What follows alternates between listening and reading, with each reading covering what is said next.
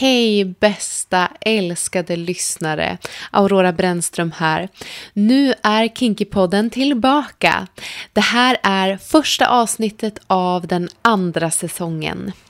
Jättekul att du är kvar och lyssnar. Det här avsnittet är jätteintressant. Jag hade väldigt kul när jag spelade in det. Jag pratade med min tidigare sexualupplysarkollega Kalle Norvald. Kalle är ju auktoriserad socionom och sexolog, legitimerad psykoterapeut, föreläsare och författare, men också en känd personlighet eh, ifrån tv och media. Och eh, han berättade om sitt yrkesliv och lite grann kring sitt liv också. Eh, och sen så har vi kört lite vett och etikett kring utlevnad och kinks. Därför att eh, Kalle är ju något av en relationsexpert va? och också sexualupplysare. Så det här är ett väldigt fint och bra och nyttigt avsnitt för alla er som vill veta lite utlevnads, BDSM, dos and don'ts och smarta tips från coachen. Varmt välkomna till Kinkypoddens första avsnitt för den andra säsongen. Nu kör vi! Det här är Kinkupodden om sex, sexualitet, BDSM och kinks. Med Aurora Brännström. Bästa kinksters och utlevare, nu är det podcast primetime. Här är Kinkypodden. Mitt namn är Aurora Brännström och idag så sitter jag här med ännu en av mina fina sexualupplysarkollegor sprungen ur RFSU. Kalle Norvald. Hej. Hej på dig. Du är ju auktoriserad socionom och sexolog, legitimerad psykoterapeut, föreläsare och författare samt också känd som en av experterna från relationsprogrammet Gift vid första ögonkastet. Eh, du, Kalle, har ju skrivit viktiga böcker om sex och sexualitet och om sexualupplysning. Och eh, jag skulle säga att du är en allmänt viktig röst för sexualupplysning i Sverige idag. Åh, tack. jag är jätteglad att du är här, jag äntligen. Med. Ja, vi fick till det till slut. ja, ja, men det, det är så. Man har mycket i livet, och, både i privatlivet och arbetslivet. Mm, minst sagt. Ja, och, och, vi har ju konstaterat, du och jag, att vi är ganska lika ja. på, på det mm. sättet. Vi mm. far omkring och gör en massa olika saker. Verkligen. Men jag är jätteglad att du är här i Kinkypodden. Och um, ja men hur var min presentation? Vill du fylla på med någonting? Nej, jag blir alltid lika så här, gud vilken bajsnödig människa jag låter som, som gör så mycket olika saker. men jag är lagd åt det hållet, så jag tycker om att ha många järn i elden. Eh, mm. Sen är ju en av mina svårigheter att hålla balans förstås. Mm. Eh, men det tänker jag att det är många av oss som är. Ja, men precis. Och hur ser din balans ut? Vad är det du gör mest och vad gör du mindre? Alltså rent arbetslivsmässigt så försöker jag hålla liksom 50-50 i min verksamhet. Alltså halvtid mm. jobba med psykoterapi och mm. halvtid mm. jobba med folkbildning i form av utbildning och mediala medverkan och liknande. Mm. Det går sådär med det just nu. eh, ja. Och det är för att jag tycker båda sakerna är så otroligt roliga och kompletterar varandra på ett sätt som är väldigt tilltalande för mig. Mm. Eh, men jag, ska, jag nämnde det precis innan vi tryckte på record här, att jag mm. har som nyårslöfte inför nästa år. Är jag som aldrig lägger löften på det sättet, för jag tror inte riktigt på det konceptet. Men i alla fall ska sträva efter att jobba mm. lite mindre och läsa lite mer, mm. eh, som kanske inte nödvändigtvis har med mitt jobb att göra. Just det. För att få en balans mm. däremellan. Det, det låter jättebra. Du, eh, innan vi går in och grottar ner oss i dagens ämnen, vilket är ett gäng. Yes. Eh, så tänker jag börja med Kinkypoddens eh, startfråga helt ja, enkelt. Shoot. Hur definierar du begreppet kinks? Jag brukar... Jag vet inte om jag jobbar med solklar liksom, definition på begreppet kinks, men jag tänker att i mångt och mycket så handlar ju det om, i min värld, personer som har kommit underfund med sina kinks, att de har gjort en resa som fler behöver göra. Mm. Eh, att det är många som inte tycker att kinks är något perverst och äckligt, som snarare kanske bevisar en rädsla på sin egen inre resa. Mm. Så jag tycker att det är en styrka. Mm. Just det. Eh, men det är mer av en värdering än en beskrivning. Ja, eh, kanske. kanske. Ja, kanske. ja. Eh, men definition. Mm. Ja, men att man har, ja, bra. Jag har inte tänkt på det sättet, men där satte mig på pottan och det tycker jag är bra, för jag tänker att det visar också bredden och komplexiteten i sexologins värld. Liksom.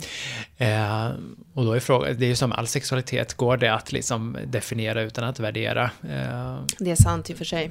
Men jag tänker att mm. det finns ju ja nej och kanske svar även på den frågan. Ja. Eh, det är så lätt att vi hamnar, och jag mig inklusive, eftersom vi alla mm. badat i samma normativa badkar, som jag så löjligt brukar beskriva det som, att man mm. hamnar i som att man måste definiera allt som inte faller inom normen hela tiden och att mm. det där liksom blir en klurighet för många. Eh, eller nästan alla, för att vi alla måste mm. relatera till normen på något sätt. Mm. Eh, men en kinks handlar väl då mer om att man har hittat en specifik sak som upphetsar en. Mm. Eller fenomen eller känsla eller tillstånd eller ja. så. Det, det, blir jättebra som svar. Min starka sida är inte att hålla mig kort, Aurora, Nej. kan jag säga nu. Just det, så var det. Ja, men du, toppen. Eh, tack snälla. Tack. Um, jag tar lite kaffe. Ja, men gör det. Um, jag tänker eh, inledningsvis om du kanske ville börja med att berätta lite eh, om ditt arbete som sexolog och sexualupplysare och föreläsare eh, mm. med mera. Med mera. Mm. Eh, vad är det som du gör i ditt yrkesliv och ja, inom det här området? Hur, det ser, hur ser det ut? Ja, eh, om man ska ta liksom en genomsnittlig mm. vecka som sagt så jobbar jag mm. ungefär halvtid på min mottagning. Ja. Där jag träffar individer, par och flersamma som har olika sexologiska och relationella problem och utmaningar. Eh, och det kan vara allt från himmel och jord. Alltså det kan vara uh, bristande lust. Det kan vara att man i en relation har upplevt sig blivit sviken. Det kan handla om att man har kommit underfund med att man har en sexualitet, sexuell läggning eller könsidentitet som man annars tidigare i livet inte riktigt har resonerat kring. Mm. Eh, det kan vara att man har varit med om något trauma. Eh, och då är det ju främst sexuella trauman som jag är inriktad på i så fall. Mm ja, egentligen alltså allt mellan, som sagt, himmel och jord och allt däremellan och ja. under och bakom. Eh, sen när jag är ute och undervisar eller jobbar upplysande så träffar jag eh, personer som jobbar med andra personer. Eh, mm. alltså hälso och sjukvård, kommunala mm. verksamheter, skolor, skolklasser också. Inte lika mycket längre för att jag riktar mig mer in mot viktiga vuxna på skolan som i sin tur kan ha flera samtal än vad jag kan på en timme. Mm. Eh, och pratar om att det här är inte så farligt. Eh, utan det kanske handlar någonting om oss. Just det. Som man behöver bli medveten om. Ja. Och sen skriver jag böcker som sagt. Ja. Eh, skrivit en bok riktat mot viktiga vuxna på högstadie och gymnasiet. Mm. Eh, om att eh, undervisa i sexualitet, samtycke och relationer. Jag har skrivit en bok som heter Tack, förlåt och skyll dig själv. Mm. Om att leva tillsammans och kanske lyckligt. Vill inte ge några garantier. Eh, som ju handlar om att leva i relation. Ja. I lite olika aspekter. Och just nu håller jag på att skriva en bok som kommer att heta Sexualkunskap för vuxna. Ja. Eh, för att vi så tror, ja det vet ju du om någon, att vi är så inriktade på sexualupplysning bara mot ungdomsgruppen. Mm. Eh, men jag träffar ju väldigt mycket vuxna som knappt vet fram och bak på sin egen kropp. Ja. Eh, så då vill jag råda bot på det. Just det. Du, det tror jag är jätteviktigt mm. faktiskt. Eller det vet jag. Ja, du, du var väl med och höll de här vuxengrupperna ja. på RFSU Stockholm? Och Exakt. Då, jag menar det, då vet ju du verkligen det. Mm, verkligen. att man ställer sig väldigt frågande kring massa saker. Ja, verkligen. Det, och det är allt ifrån det du säger liksom med kroppen, men det handlar också jättemycket om I'm Sandra, and I'm just the professional your small business was looking for. But you didn't hire me because you didn't use LinkedIn jobs. LinkedIn has professionals you can't find anywhere else, including those who aren't actively looking for a new job, but might be open to the perfect role, like me. In a given month, over 70% of LinkedIn users don't visit other leading job sites. So if you're not looking on LinkedIn, you'll miss out on great candidates like Sandra. Start hiring professionals like a professional. Post your free job on linkedin.com/people today.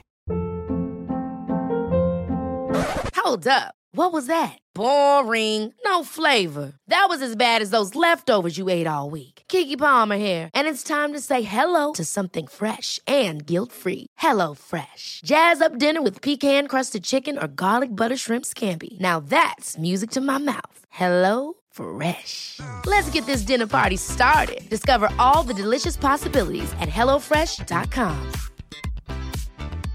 A lot can happen in three years, like a chatbot may be your new best friend. But what won't change? Needing health insurance. United Healthcare Tri Term Medical Plans, underwritten by Golden Rule Insurance Company, offer flexible, budget friendly coverage that lasts nearly three years in some states. Learn more at uh1.com. Uh, alltså kommunikation Mm. eller relationer som du också jobbar med. Och, Ja. Eh, både relation till sig själv och andra. Det, det finns mycket där. Så att, eh, Jaha, vad, vad spännande. När kommer den här boken? Eh, troligtvis efter sommaren 2024. ja, Det är ju många saker som ska klaffa när man skriver bok. Delvis Ja. ska man få den egna motivationen att sätta sig ner och skriva. Eh, Mm.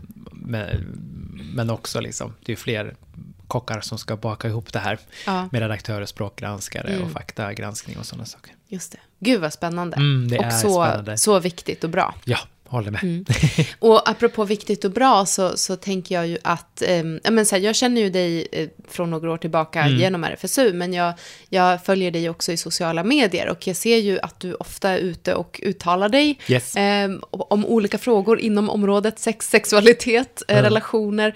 Ehm, var kommer det drivet ifrån eller liksom hur, hur känner du att det eh, funkar i ditt liv Ja. att göra? Ja, hur kommer det sig? Det, jag tror att det liksom först började av en slump. Mm. Eh, alltså mitt första mediala framträdande, då var jag inte gammal i gamet. Mm. eh, då jobbade jag som kurator och utbildningsledare på något som då hette Enheten för sexuell hälsa, som låg på Södersjukhuset i Stockholm. Eh, och då fick jag uttala mig, för det var nämligen en ganska uppåt sving av gonorréinfektioner bland eh, unga vuxna. Och då fick jag prata om det. Eh, Mm. Ja. Och sen verkar det som att de tyckte jag var bra. Mm.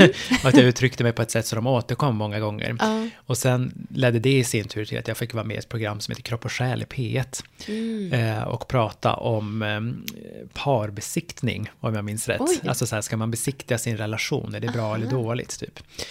Eh, och sen har det liksom bara rullat på. Ja. Vilket spännande begrepp ändå. Ja, jag var ju skeptisk till det då. För, jag tänkte, för de frågade vad tycker du? Eh, och jag svarade väl något så här, ja, eh, måste man liksom peta på något som inte behövs petas på. Men nu har jag faktiskt totalt ändrat åsikt. att tycka att det låter väl jättebra eh, att Mm, Ja. prata om eventuella problem innan de finns. Liksom. Just det, det förebyggande. Precis. Mm. Och rollen idag, nu får jag ju faktiskt mota lite och det beror väl på att jag har fått och tagit mycket plats i de här frågorna. Så nu hör väldigt många av sig och då får Mm. jag säga nej och hänvisa vidare. Just det. Och det, det är ju förstås jättekul att ha det förtroendet. Eh, Samtidigt så är det ett stort ansvar som jag ibland inte alltid är så bekväm med. Jag Men förstår. Ja. Men du axlar det ju väldigt väl. tack. Och jag tänker om vi skulle kunna backa bakåt lite i tiden. Eh, om, du vill berätta lite mer om dig. Liksom. Vem är du och hur har det kommit sig att du kom in på det här spåret överhuvudtaget? Mm. Vad, vad, vad var grunderna till ditt val av yrke? Eller så? Alltså när man läser till psykoterapeut så är det ett Mm. krav. För att få legitimation som psykoterapeut är det krav att man ska ha gått, vad är det, 75 timmar i egen terapi. Det var jag redan klar med när jag började. Så jag fick gå 75 till och det gjorde mig inget för jag tycker att terapi är väldigt eh, nyttigt och Ja. bra. Nu är jag ju partisk förstås.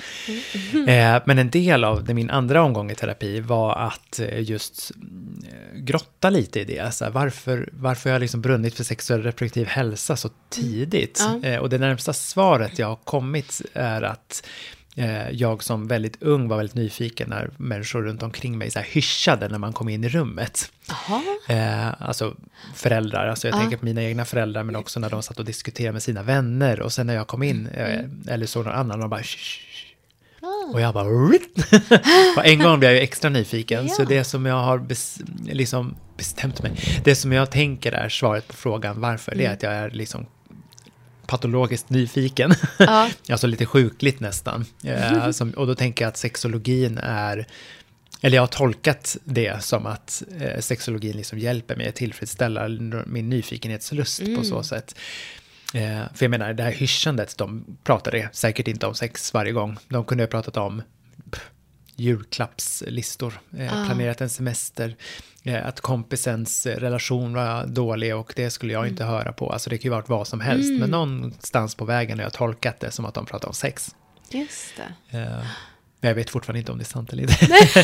Eh, men det är där jag hamnade och sen har jag liksom få, eh, alla, under alla mina universitetsutbildningar har jag alltid liksom utformat det mot sexologin.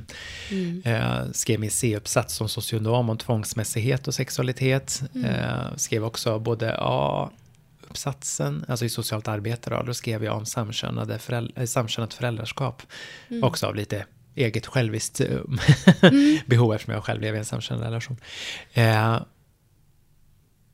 Och sen under mina psykoterapiutbildningar lika så. Alltså allt Mm. har riktats mot det. Delvis kanske för att det inte finns så mycket material. Alltså Mm. både sexologi och psykoterapi är ju väldigt normativa kunskapsområden. Ja. Eh, och då har jag ju förstås dragits åt andra hållet. Vad är det vi inte pratar om?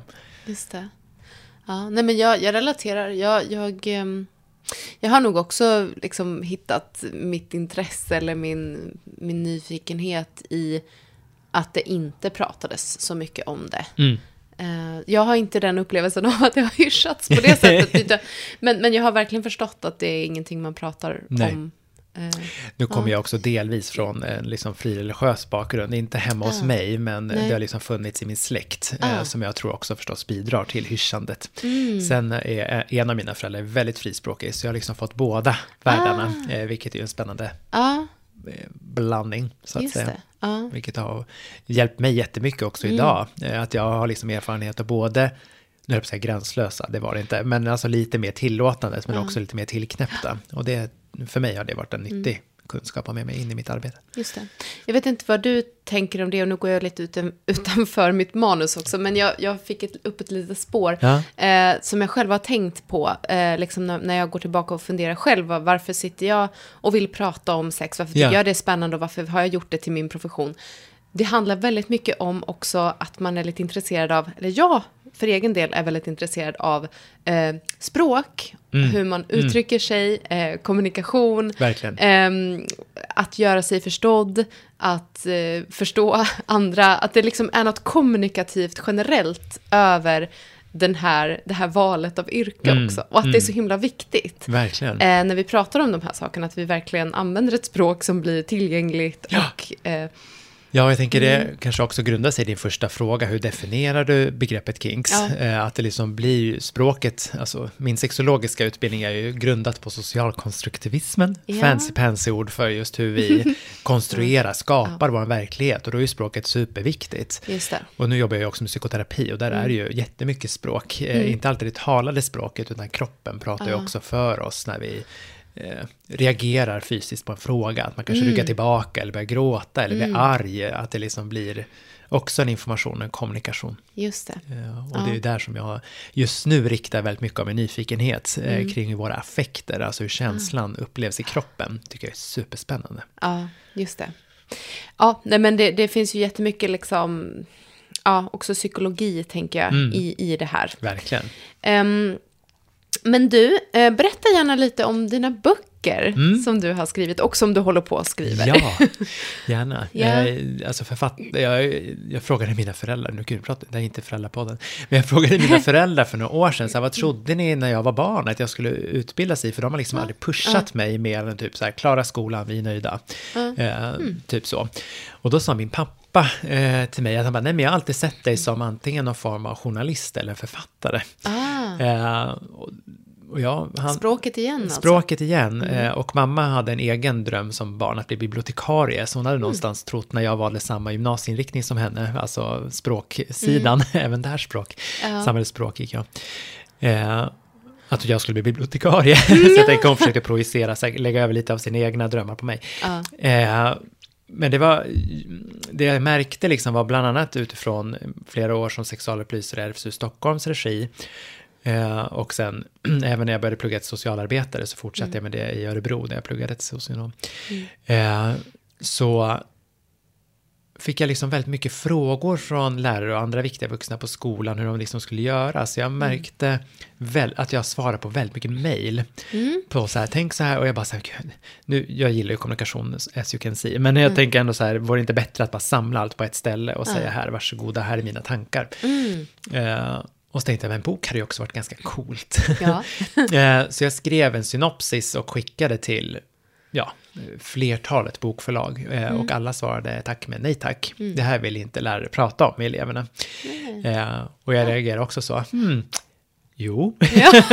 eh, men Ja. det, ja, ja, samtycke gäller ju även där, så jag menar, de kan inte tvinga dem att ge ut en bok. Eh, så när jag tror jag fick mitt åttonde nej så tänkte jag bara så här, ah, ja, då får jag hitta på något sen. När jag har mer tid så kanske jag får göra en egen liksom, Ah. pdf-fil och skicka istället. Liksom. Mm. Eh, ja, men sen blev jag förälder och grejer, så det var ju mycket annat som stod i vägen. Eh, och sen så tog det ett tag och sen så hände ju det här beslutet i riksdagen att eh, eh, kunskapsområdet sex och samlevnad skulle vidgas till sexualitet, samtycke och relationer. Och då hörde ju alla bokförlag av sig igen och sa så här, vi har ångrat oss. Eh, såklart. Ja. Och då valde jag att säga ja till de som var snällast i sitt nej. Ah. eh, vilket var bokförlaget Gotia Kompetens, eh, som Mm. sen eh, några, ett och ett halvt år senare gav ut min bok Att undervisa i sexualitet, samtycke och relationer. Integrera i alla ämnen. Mm. Ja. Eh, så det är ju liksom en lite mer handfast bok. Eh, och inspirationen till den har jag ju, som jag upprepar varje gång jag får chansen, jättemycket att tacka RFSU för. Mm. Eh, att de, ja men delvis trodde på mig, att jag fick gå hela informatörsutbildningen och sen Mm. fortsätta mitt uppdrag där. Och det är jag så otroligt tacksam för än idag. Och den boken, om man får tro, trotsa jantelagen lite, Gör det, eh, den, kör. har, den har liksom sålts flera tusen fler exemplar än vad både jag och förlaget trodde. Mm. Så det visar ju lite ett långfinger åt alla förlag tidigare som sa att det inte finns något intresse, för det gör det. Mm. Och den gavs också ut innan läroplanerna liksom trädde i kraft. Eh, och då sålde den som flest upp, eh, exemplar. Mm. Så det intresset finns ju. Eh, Visst. och ta, den har tagits emot väldigt fint. Ja. Sen så har jag skrivit en till bok som sagt, Tack förlåt och skyll dig själv, om Ja. att leva tillsammans och kanske lyckligt. Och Just där det. är det lite mer så här, min kliniska erfarenhet och tankar och eh, hur man kan, ja men är, jag vill inte säga självhjälpsbok, även fast den har vissa sådana eh, inslag, för det ville min redaktör på förlaget absolut ha med. Ah, mm. Ehm, och den har också tagits emot väldigt väl och det är jag också väldigt tacksam för. Alltså jag är också, det är det som jag tycker är en så fin del i mitt upplysararbete. Att jag har väldigt mycket kontakt med personer via sociala medier, främst Instagram i mitt fall. Mm. Just det. Och att det är många som liksom är så generösa att ta sig tid också att skriva vad de har tagit emot sig av boken. Ja. Och det är så himla tacksam för. Ja. Och just den sistnämnda så fick jag liksom arbeta lite med min, mitt förlag, eh, Basar förlag, att eh, ha med personer som inte bara är liksom hetero, vita, cis-personer. Att, för de, tänk, de vill ju liksom förstås ha genomsnittet för att tilltala fler personer. Eh, och då sa jag, men då är inte jag rätt person att skriva, för jag träffar ju väldigt många som inte är bara vita hetero cis-personer och måste liksom vidga perspektiven i det, vilket har visat sig vara ett av bokens främsta styrkor Ja. så här i efterhand. Så Ja. nu när jag skriver min andra bok, eller min tredje bok blir det ju, så eh, har jag mycket friare tyglar, ja. vilket är väldigt skönt. Vad kul. Är det Mm. samma förlag som du släpper igenom som eh, Tack, Ja. förlåt? Precis, det är samma, det är fortfarande Mm. Basar förlag. Eh, det. och det är, mm, det är fint att få liksom ett, ett förtroende även från dem. Mm. Så det ska jag ta hand om väl, Ja, tänkte jag. nu ska vi se om jag kan koppla ihop lite olika trådar som vi har dragit Ja, i. vad vi drar du.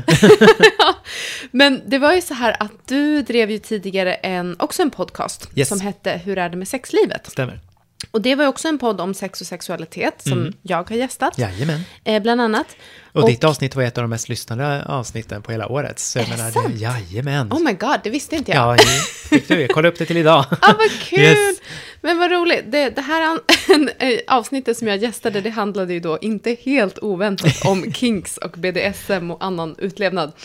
Eh, och jag tänkte att vi kanske kunde landa lite där och så här koppla tillbaka till, ja men dels din roll då som sexualupplysare. Och på ämnet kinks, utlevnad eh, och kanske olika praktiker då inom spektra BDSM. Och kanske köra lite så här vett och etikett. Ja. Do's and don'ts. För att jag minns när vi satt där att Mm. vi, vi, vi hade ett jättebra samtal, men att vi sen också efteråt sa att så här, vi kanske borde typ följa upp Ja. det här med lite fråga-svar-avsnitt, Mm. eller så här, ja men vett och etikett och så. Jag har ju blivit kallad för sexologins eh, ribbing. Så det är ju väldigt spännande Ah. Ja, epitet. ja. Eh, Så det är lite vett och etikettexperten som nu inte är i livet längre. Vad heter hon? Magdalena Ribbing heter Ja, hon. exakt, Magdalena. Så vi får se hur hur jag sköter mig nu då. Om Det- jag fortfarande det- får behålla Ja, det- epitetet. det tror jag verkligen.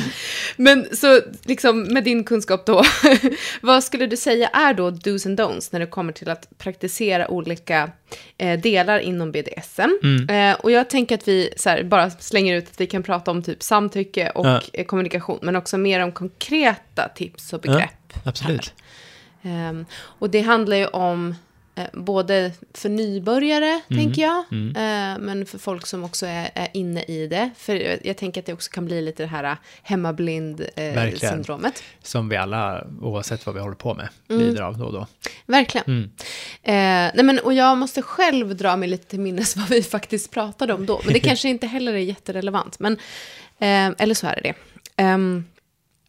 Men jag vet ju att du sa det och jag fick också frågor så här, efter att jag hade medverkat i din eh, podcast. Ja.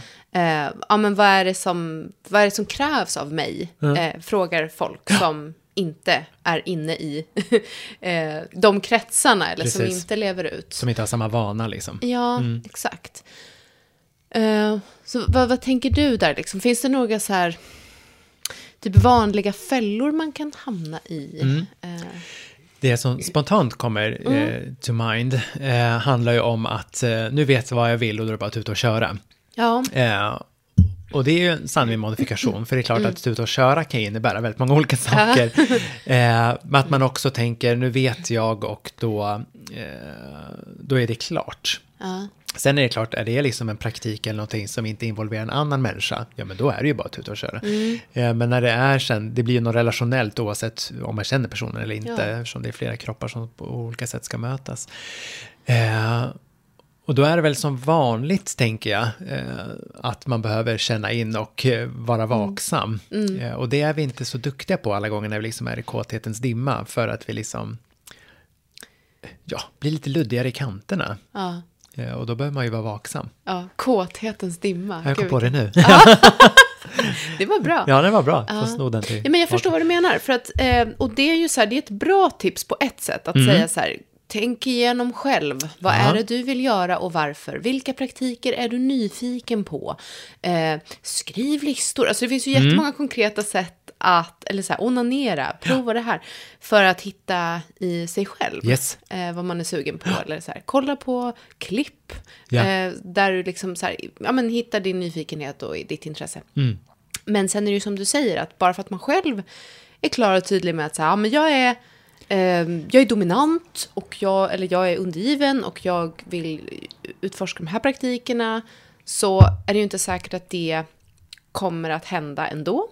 För att eh, den vi träffar, eller om vi träffar någon som vi vill leka med, så behöver vi omforma eh, och omvärdera, eh, omförhandla de här sakerna igen.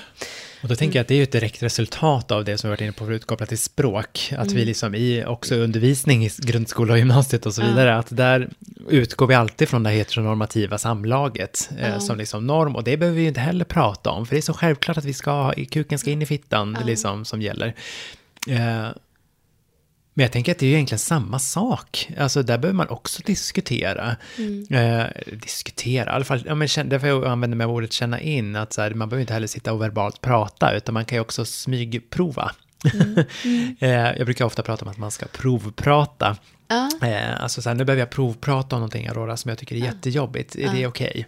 Och så säger du ju ja eller nej.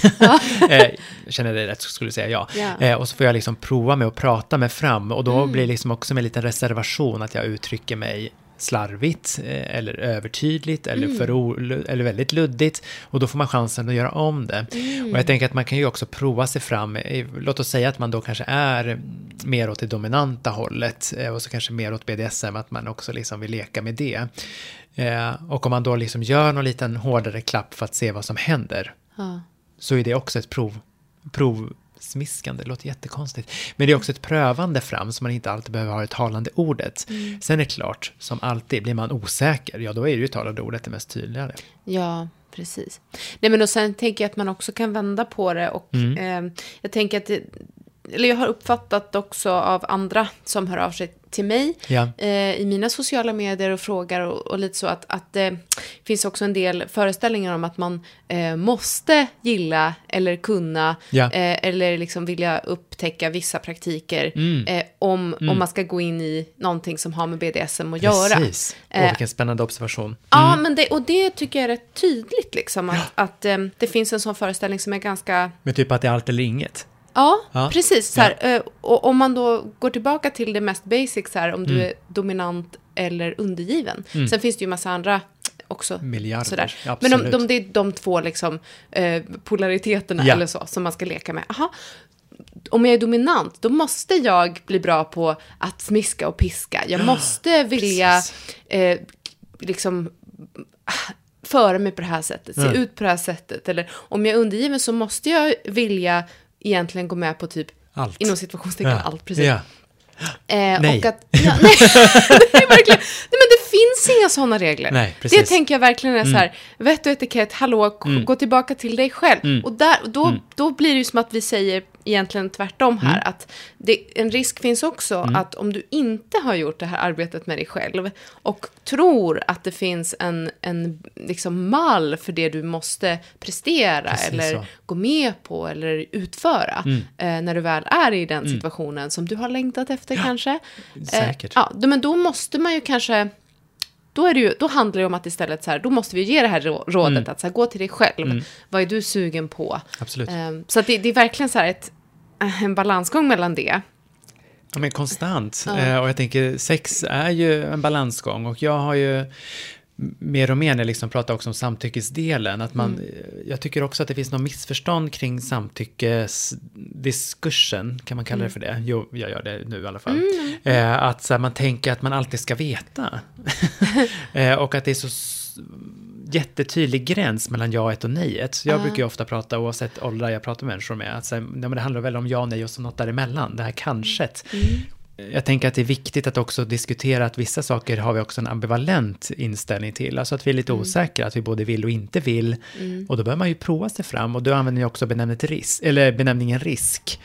Eh, och då finns det ju också en diskussion kopplat till samtycke, att det ska liksom minimera eller till och med ta bort risken. Men det kommer vi aldrig bli av med. Nej. Oavsett om vi sysslar med BDS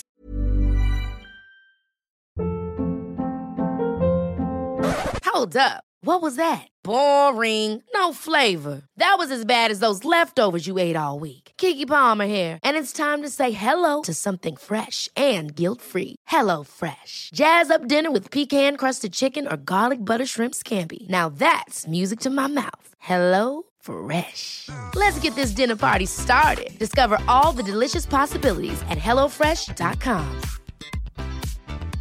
I'm Sandra, and I'm just the professional your small business was looking for. But you didn't hire me because you didn't use LinkedIn jobs. LinkedIn has professionals you can't find anywhere else, including those who aren't actively looking for a new job but might be open to the perfect role, like me.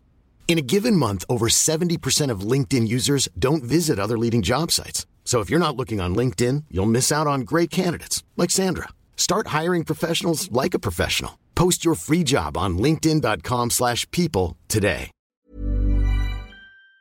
Med vanilj eller någonting annat så kommer risken alltid vara där.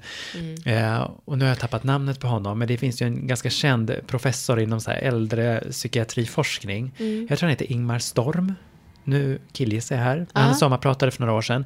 Och han sa ett citat som verkligen har fastnat i mig. Eh, han pratade om det här med gruppen äldre, hur vi hanterade det. Och delvis sa jag, ja, vad är gruppen äldre för något? Eh, men han pratade om restriktionerna som då gruppen äldre fick i samband med coronapandemin. Eh, att det var ju liksom så här, säg nej till kramen till barnbarnen. Eh, och han sa samtidigt så här, inte det en underlig grej, för det är ju inte alla vux, eller mm, äldre som vill krama sina barnbarn, utan de kanske vill gå ut och ligga. eh, och sen sa han också, med de här restriktionerna så måste vi komma ihåg att ett liv utan risk är inget liv. Nej. Eh, och jag tyckte att det var så vackert. Ja. att så här, men vi behöver också ta lite risker, Ja. annars är det inget liv. Sen betyder det inte att man ska utsätta aktivt någon för risk, nödvändigtvis. Nej, men du, det där är jätteviktigt. För att, eh, att in, alltså så här, det, det där skulle man också kunna dra ett varv till. För att om man säger så här, jag ska försöka undvika risker. Så jag ska inte ta några risker. Det betyder ju också att man inte heller kommer kunna kommunicera. Nej. För det finns, det är det tänker jag också, eh, osäkerheter kring att våga kommunicera. Precis. Det är ett risktagande, Ja. självklart. Att eh, blotta sig själv. Ja. Eh, att så här, del, dels säga nej eller Mm. kanske, men också säga vad man vill. Eh, och uttrycka det. Ja. Så det är ju ett risktagande vi måste ta. Ja, och det funkar högt och lågt. Alltså bara att eh, jag ställer frågan, men Aurora, ska inte jag få vara med i din podd? Det är också en risk. Ja. Eh, det, delvis tog jag som ett själviskt eh, tillfälle att få umgås med dig lite, men också så här, du kan också säga nej tack. Och då blir jag ju avvisad. Och då tog man ju också en risk för det, och nu outar vi också hur jag kom hit. Men att det ändå liksom är, det är en viktig aspekt i det, att all kommunikation är en risk. Ja. Men det gäller, jag tänker att det inte handlar, i min värld i alla fall, utifrån psykoterapin då i det här fallet, att det handlar inte om att ta bort alla risker, men att göra medvetna val. eh, och det tänker jag att det gör personer som då bryter mot normerna inom citationstecken kopplat till sexualitet och också kön till många sätt är mycket bättre på.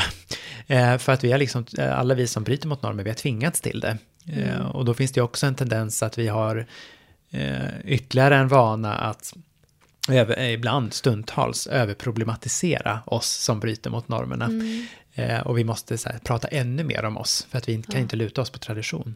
Vi Just måste skapa våra egna så kallade skript. Ja, exakt. Och det är plus och minus med det. Alltså det finns ju också en eufori att få skapa sin egen verklighet. Eh, men vi har inget att förhålla oss till på samma sätt. Mm, precis. Nej, men, och, ehm, visst, jag, jag tänker också det här med att ehm, eh, med ordet nej. eh, men också kanske, Verkligen. vilket ju eh, i många fall också betyder nej. Eh, så, så finns det ju, alltså det är ju någonting som jag tror att vi generellt inte är så bra på att ta emot. Eh, ordet nej. så det är också någonting som jag tänker när man pratar kommunikation och samtycke att vi behöver eh, lyfta som en så här, det här behöver vi kanske eh, jobba på, Mm. eh, gemene man. Ja, men nej tolkar man ofta som en Mm. aggression. Eh, och eh, då arg vill man inte vara. Eh, och så tänker man att gränssättning är Mm. något negativt och aggressivt. I min värld så tänker jag att nej som är menat som ett nej då. Eh, att man liksom gör en gräns. Det är också en liksom delvis en kärleksfull handling i vissa fall, men det är också ett självomhändertagande. Mm. Ja. Mm. Att så här, det är superviktigt. Sen kan man ju göra nej på olika sätt som vi ju vet. Att det, Ja, ja. Ibland kan ju nej vara ett stort fett ja. Eh, men då är Mm. det ju någonstans uttalat kanske sen innan. Just det. Eh, nej men det tänker jag är viktigt. Eh, och det är någonting som jag har liksom funderat mycket på för egen del. Mm. Så hur kan, man, hur kan vi bli bättre på att eh, ge och ta emot nej? eh, Håller med. Ja. Håller helt med.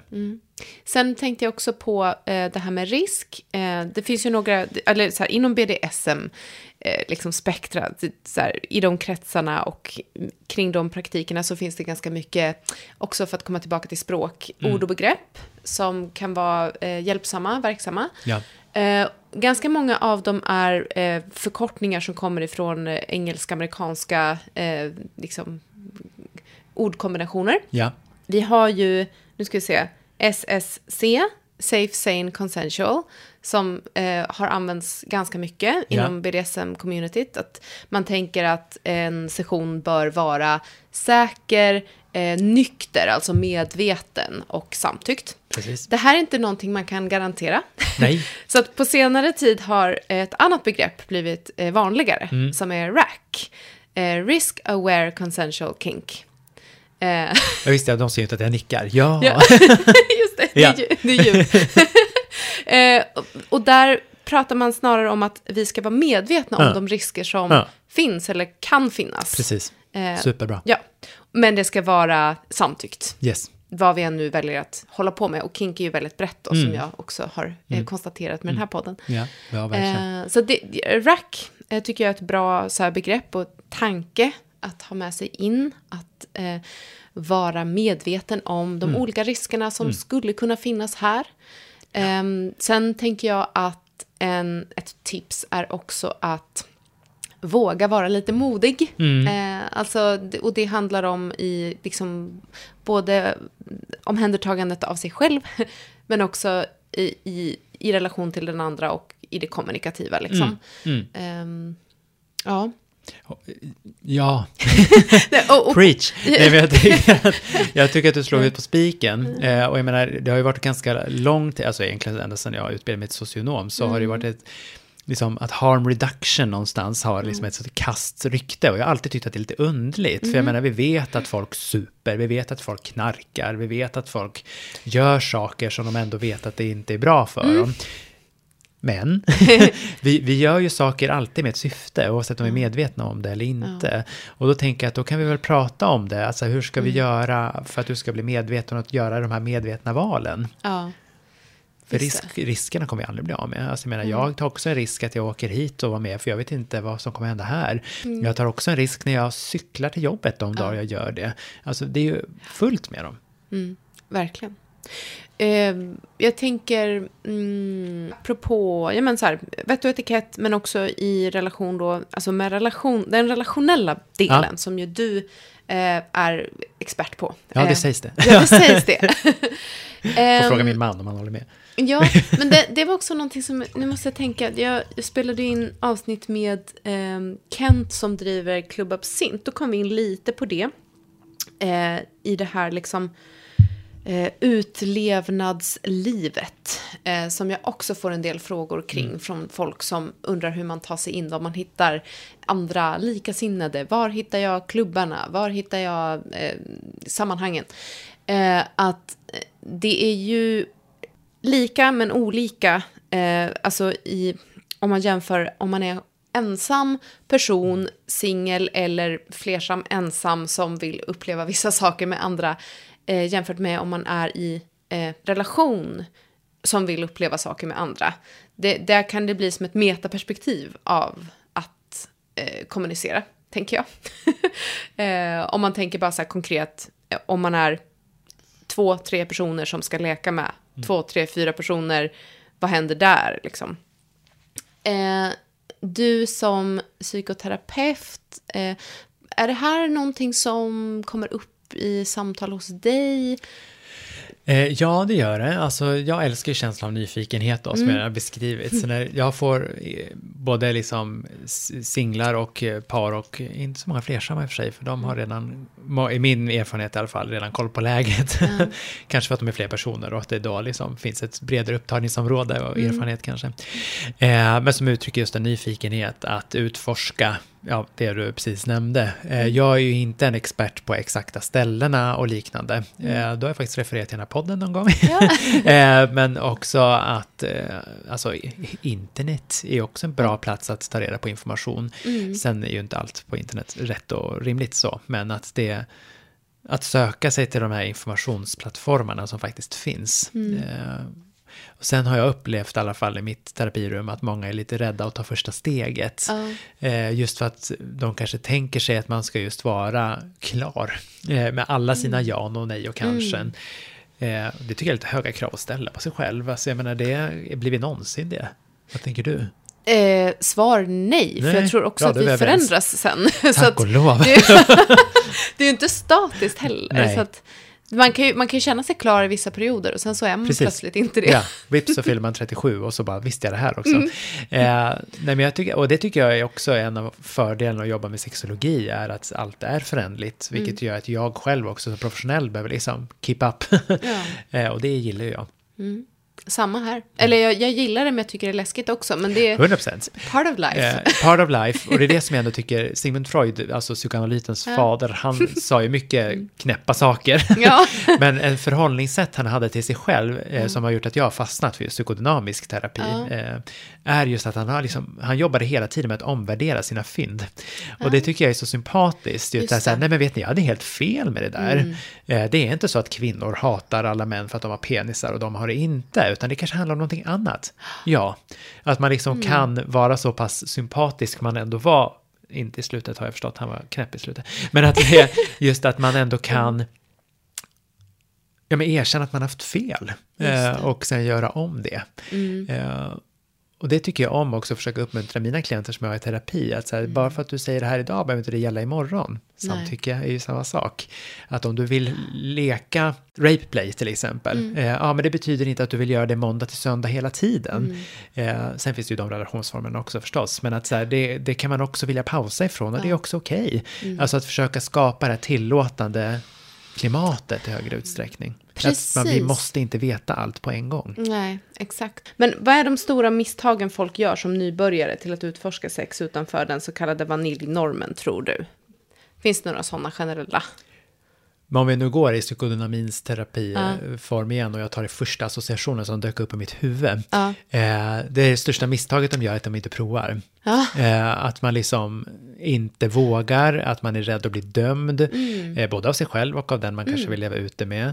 Eh, att man hamnar i liksom skamträsket på något sätt som gör att man inte vågar testa. Och det betyder inte att man så måste tvinga sig att göra övergrepp på sig själv, men att många är liksom oroliga och rädda har jag märkt. Eh, Och det kanske främst är liksom stereotypa eh, normativa heteropar som först bara, vågar vi gå utanför normen? Eh, och då frågar jag så här, ja vad säger att ni inte skulle våga? Eh, och fokusera på vad är som liksom är motståndet till det. Det var det som dök upp i mitt huvud först. Eh, jättebra svar tycker jag. Eh, Tack. Och också lustfyllt svar. Ja, men jag jobbar ju så, va? Ja. Tack, tack RFSU. det var att ha ett lustfrämjande perspektiv.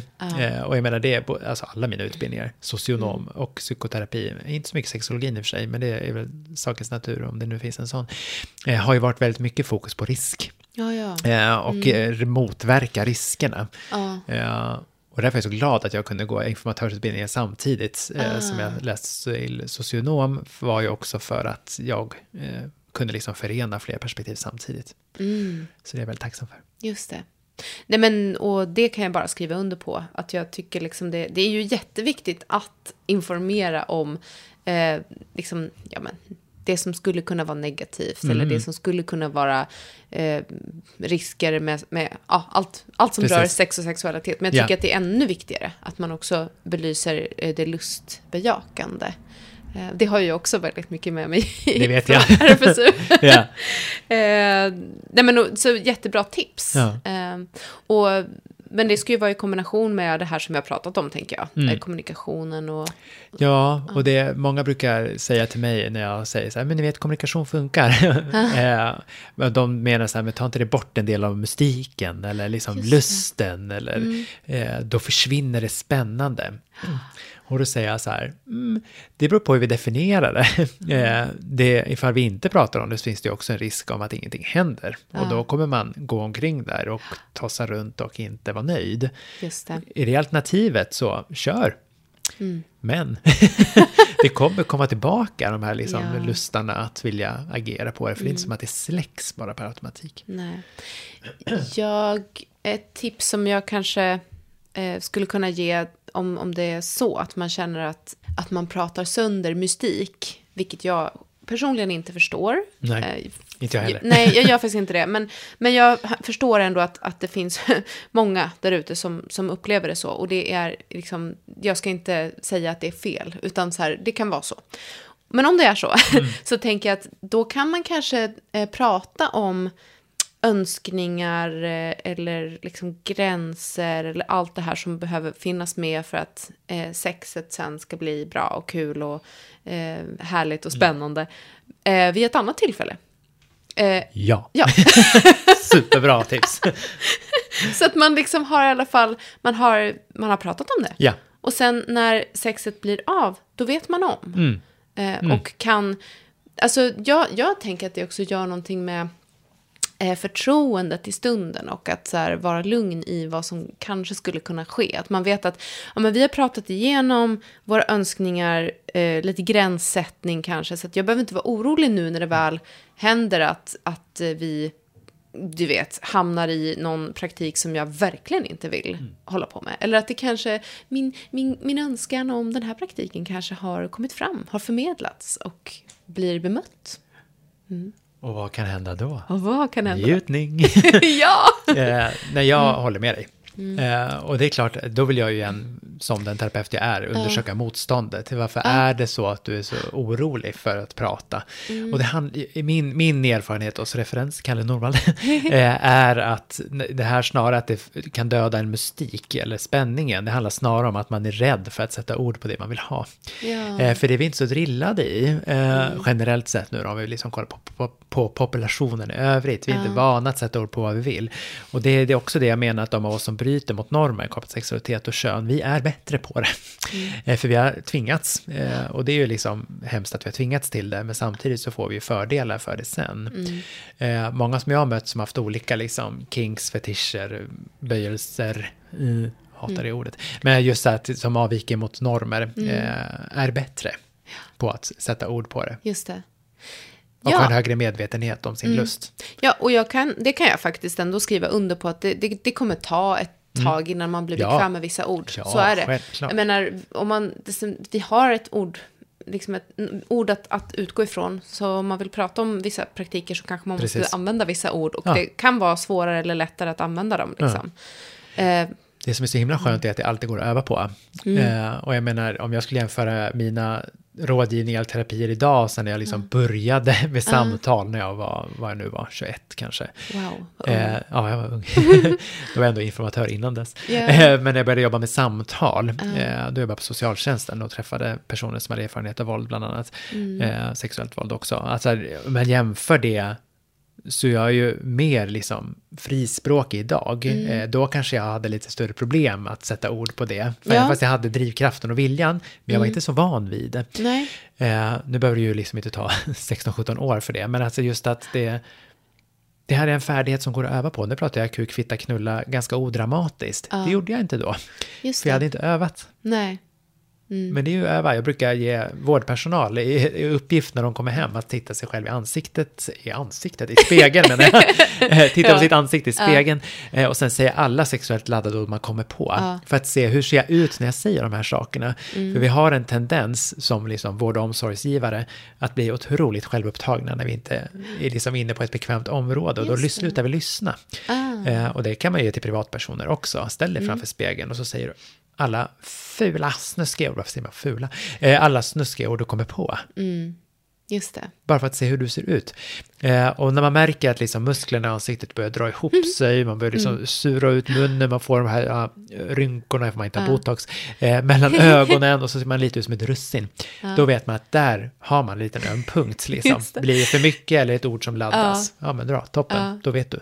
Jag, jag, eh, det var, jag har faktiskt tänkt på ordet rumpa eh, Ja. mycket. Så här, det, det var en sån där, blev en sån hang-up för mig. Att, Ja, så här, att jag inte visste hur jag skulle säga. Så här, vad fan ska jag kalla min rumpa? Jag tycker det låter så Rumpa. barnsligt. Ja. Vad ska man säga? Jag kan inte säga my ass. Det är liksom... Nej, det blir så här anglofiliskt. eller min bak. Eller Ja, så här, Precis, nej men det är liksom i bögvärlden pratar man mycket om röv. Eh, just det. Eh, och det, men det kanske liksom då blir ett maskuliniserande ord. Vet inte. Men jag har också tänkt på just ordet brumpa. Jag håller faktiskt helt med dig. Så när du sa ordet, jag bara, "Ja, det låter ju barnsligt. Så jag är helt med dig. Så ett bra alternativ på rumpa kanske blir någon omröstning. Ja. Vad ska vi ha? Vi kan öppna upp för det. ja. Ehm, tack, Kalle. Jag tänker att jag måste gå lite framåt i manus. Eh, Samtycke finns. Gå fram. Ja, ja. Du, ehm, jag hoppas att du inte är alldeles för trött på det här. Men Nej, via SVTs storsatsning, får man Ja. säga, Gift vid första ögonkastet, Ja. så har vi ju faktiskt lärt känna dig som en form av relationsexpert då. Ja. Eh, med fokus på sexualitet och intimitet. Yes. Eh, jag undrar så här, vad har du lärt produktionen och vad har produktionen lärt dig? Åh gud, det är ett helt avsnitt. Eh, jag blev intervjuad av TT innan säsongen som precis hade gått. Så här, vad, vad har du lärt dig? Eh, och alltså, det, nu, jag har precis spelat in min femte säsong. Jag har visst första ögonkastet. Och jag, för varje säsong tycker jag mig, lär mig något nytt. Eh, delvis om tv-produktion per se, men också så här grupppsykologi bland tittarna, men Japp. också individerna och paren som jag möter. Och jag sa, som snappades upp snabbt som ett citat, att varje säsong av Gift första ögonkastet så lär jag mig mycket mer än alla högskolepoäng jag har sammanlagt. Oj! Eh, för, för det, är, det är så jäkla intensivt projekt. Delvis håller vi på ganska länge med intervjuer och matchningsprocessen. Och sen är det fem veckors inspelning och då är det ju, inte 24-7, men det är ju intensivt. Alltså då är vi, vi terapeuter ju inte med hela tiden, men vi är ju ajour. Om inte dygnet runt så nästinpå. Ja. Eh, men jag har, jag har, ja men delvis i alla möten jag har fått göra med alla, bara, inte bara de som har kommit med utan också de andra. Hur fin, fin, jo jag vill använda det ordet, hur fin, fint många beskriver sin längtan efter någon på. Och nu ska vi lägga till då att nu, i Gift första ögonkastet är det ju bara personer som är ute efter en tvåsamhet eh, och många gånger en ganska heteronormativ sådan. det. Eh, det behöver inte betyda att den är sämre. Nej. Bara sådär. Eh, men det är hur, mycket, hur många människor verkligen längtar efter varandra. Och det tycker jag är något fint över det hela. Men också, eh, vad heter det? Just vad många är beredda på att jobba med sig själva och i relation till andra. Sen är det klart, det har vi ju sett säsong efter säsong, att det går inte alltid som man har tänkt sig. Eh, vi matchar ju för potentiell kärlek och aldrig för bra tv. Eh, Hi, I'm Daniel, founder of Pretty Litter. Cats and cat owners deserve better than any old fashioned litter. That's why I teamed up with scientists and veterinarians to create Pretty Litter. Its innovative crystal formula has superior odor control and weighs up to 80% less than clay litter. Pretty Litter even monitors health by changing colors to help detect early signs of potential illness. It's the world's smartest kitty litter. Go to prettylitter.com and use code ACAST for 20% off your first order and a free cat toy. Terms and conditions apply. See site for details. Hold up. What was that? Boring. No flavor. That was as bad as those leftovers you ate all week. Kiki Palmer here, and it's time to say hello to something fresh and guilt-free. Hello Fresh. Jazz up dinner with pecan-crusted chicken or garlic butter shrimp scampi. Now that's music to my mouth. Hello Fresh. Let's get this dinner party started. Discover all the delicious possibilities at hellofresh.com.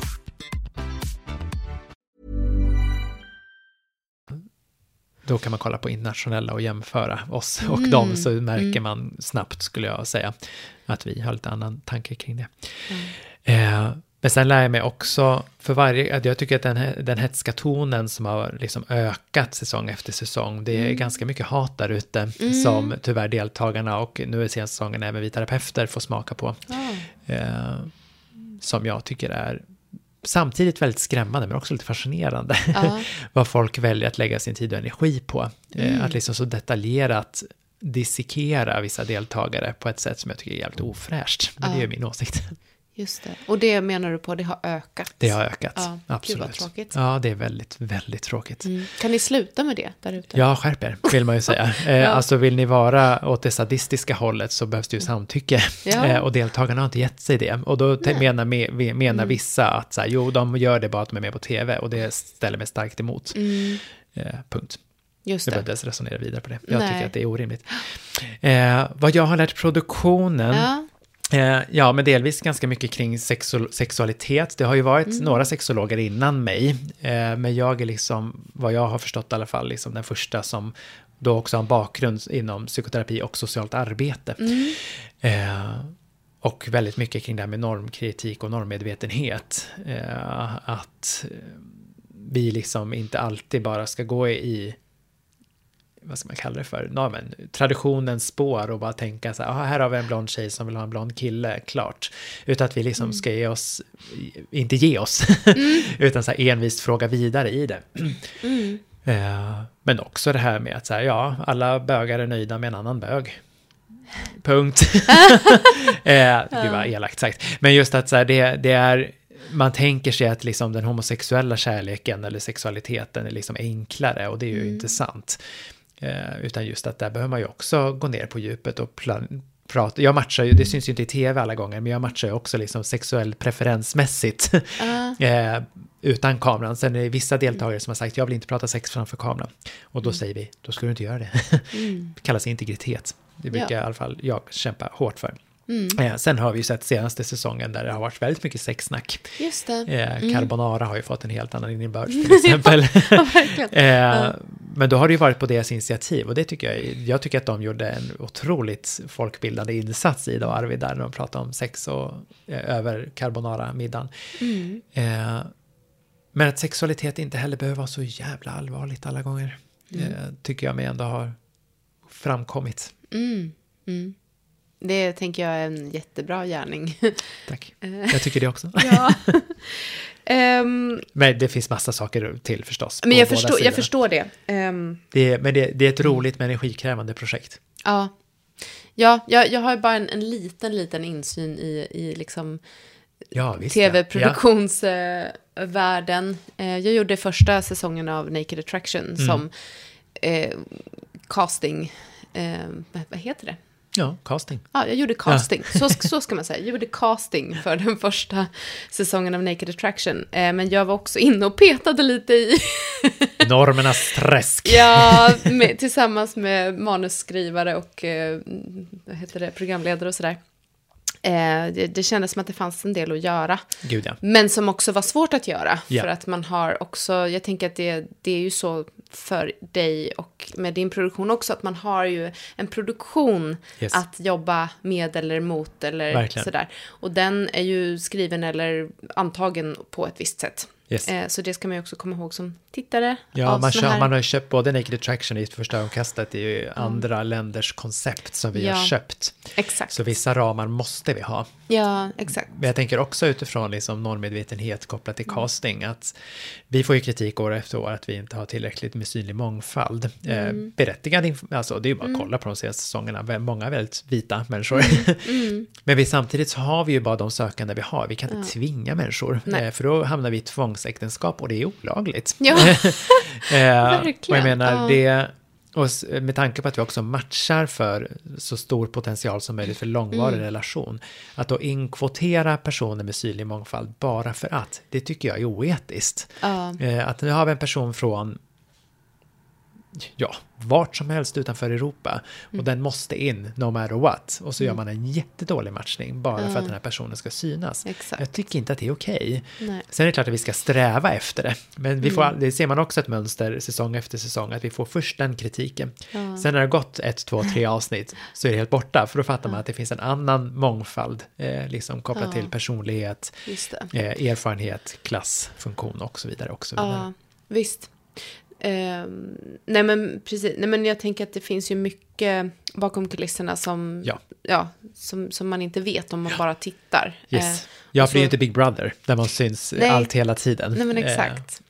så det absolut är det så. Mm. Absolut. Ja, ehm, vi börjar närma oss att vi måste börja avrunda tyvärr. Va? Eh, Redan? Ja, jag Okej. vet. Vad, Kalle, vad, vad trodde du att vi skulle prata om idag? Har du, finns det något spår som du tycker att vi så här, borde Alltså, plocka Aurora, upp? det var ju bara min lust att få träffa dig igen som gjorde att jag var med. Så jag hade så öppna sinnen kring vad vi skulle prata Ja, om. Eh, är det något som vi inte har pratat om? Ja, det är klart det är. Eh, Det finns det ju jämt. Mm. Ja, men det det, kanske vi älskar som... våra jobb. Ja, precis. Nej, men, och det känner jag också. Det, det, det är så kul. Jag, jag måste säga att jag är så himla eh, glad över att jag är så här yrkesmässigt Mm. där jag är. För att jag har så många fina kollegor och du är en av dem. Ömsesidigt. Och eh, ja, men jag känner bara så här att du får komma tillbaks. Ja, Eh, nu hittar vi hit också. Ja, exakt. Toppen. Ehm, jag tänkte, jo, eh, om du kanske har något så här tips, råd eller en önskan till eh, mina lyssnare. Vad skulle det vara? Jo, men nu går jag samma linje som jag gjort hela avsnittet och går Ja. på första associationen. Ja. Eh, och det som dök upp när du ställde frågan på det sättet, då var ordet onani som dök upp. Mm. Eh, och varför då? Spännande. Varför då? Jo, men jag tänker att onani är bra för hälsan för många. Mm. Eh, att liksom delvis i termer av självomhändertagande, Mm. eftervård, eh, förevård, eh, sysselsättning, njutning. Alltså onani är bra, good stuff. Mm. Om man vill göra det. Ja. Fantastiskt, vilket bra tips. Tack. Ja. Och vad skönt att vi, att vi liksom kan säga det. Eh, Eller hur? eh, man tänker på onanins historia och så vidare. Ja, kära värld. Självbefläckelsens svarta prick i historien. Exakt, det som är så bra. Men ehm, Kalle Norvald, stort tack för att du ville vara med och gästa Kinkypodden. Tusen tack att Jag är jag fick det. jätteglad för det. Och ehm, tack som du som har lyssnat. Eh, och glöm inte att du kan stötta Kinkypodden via Patreon. Det är www.patreon.com kinkypodden. Ja, det var nog det. Tack Kalle. Tack själv. Eh, tack du som har lyssnat. Tack. Älskade Kingsters och utlevare, håll ut. Vi hörs snart igen.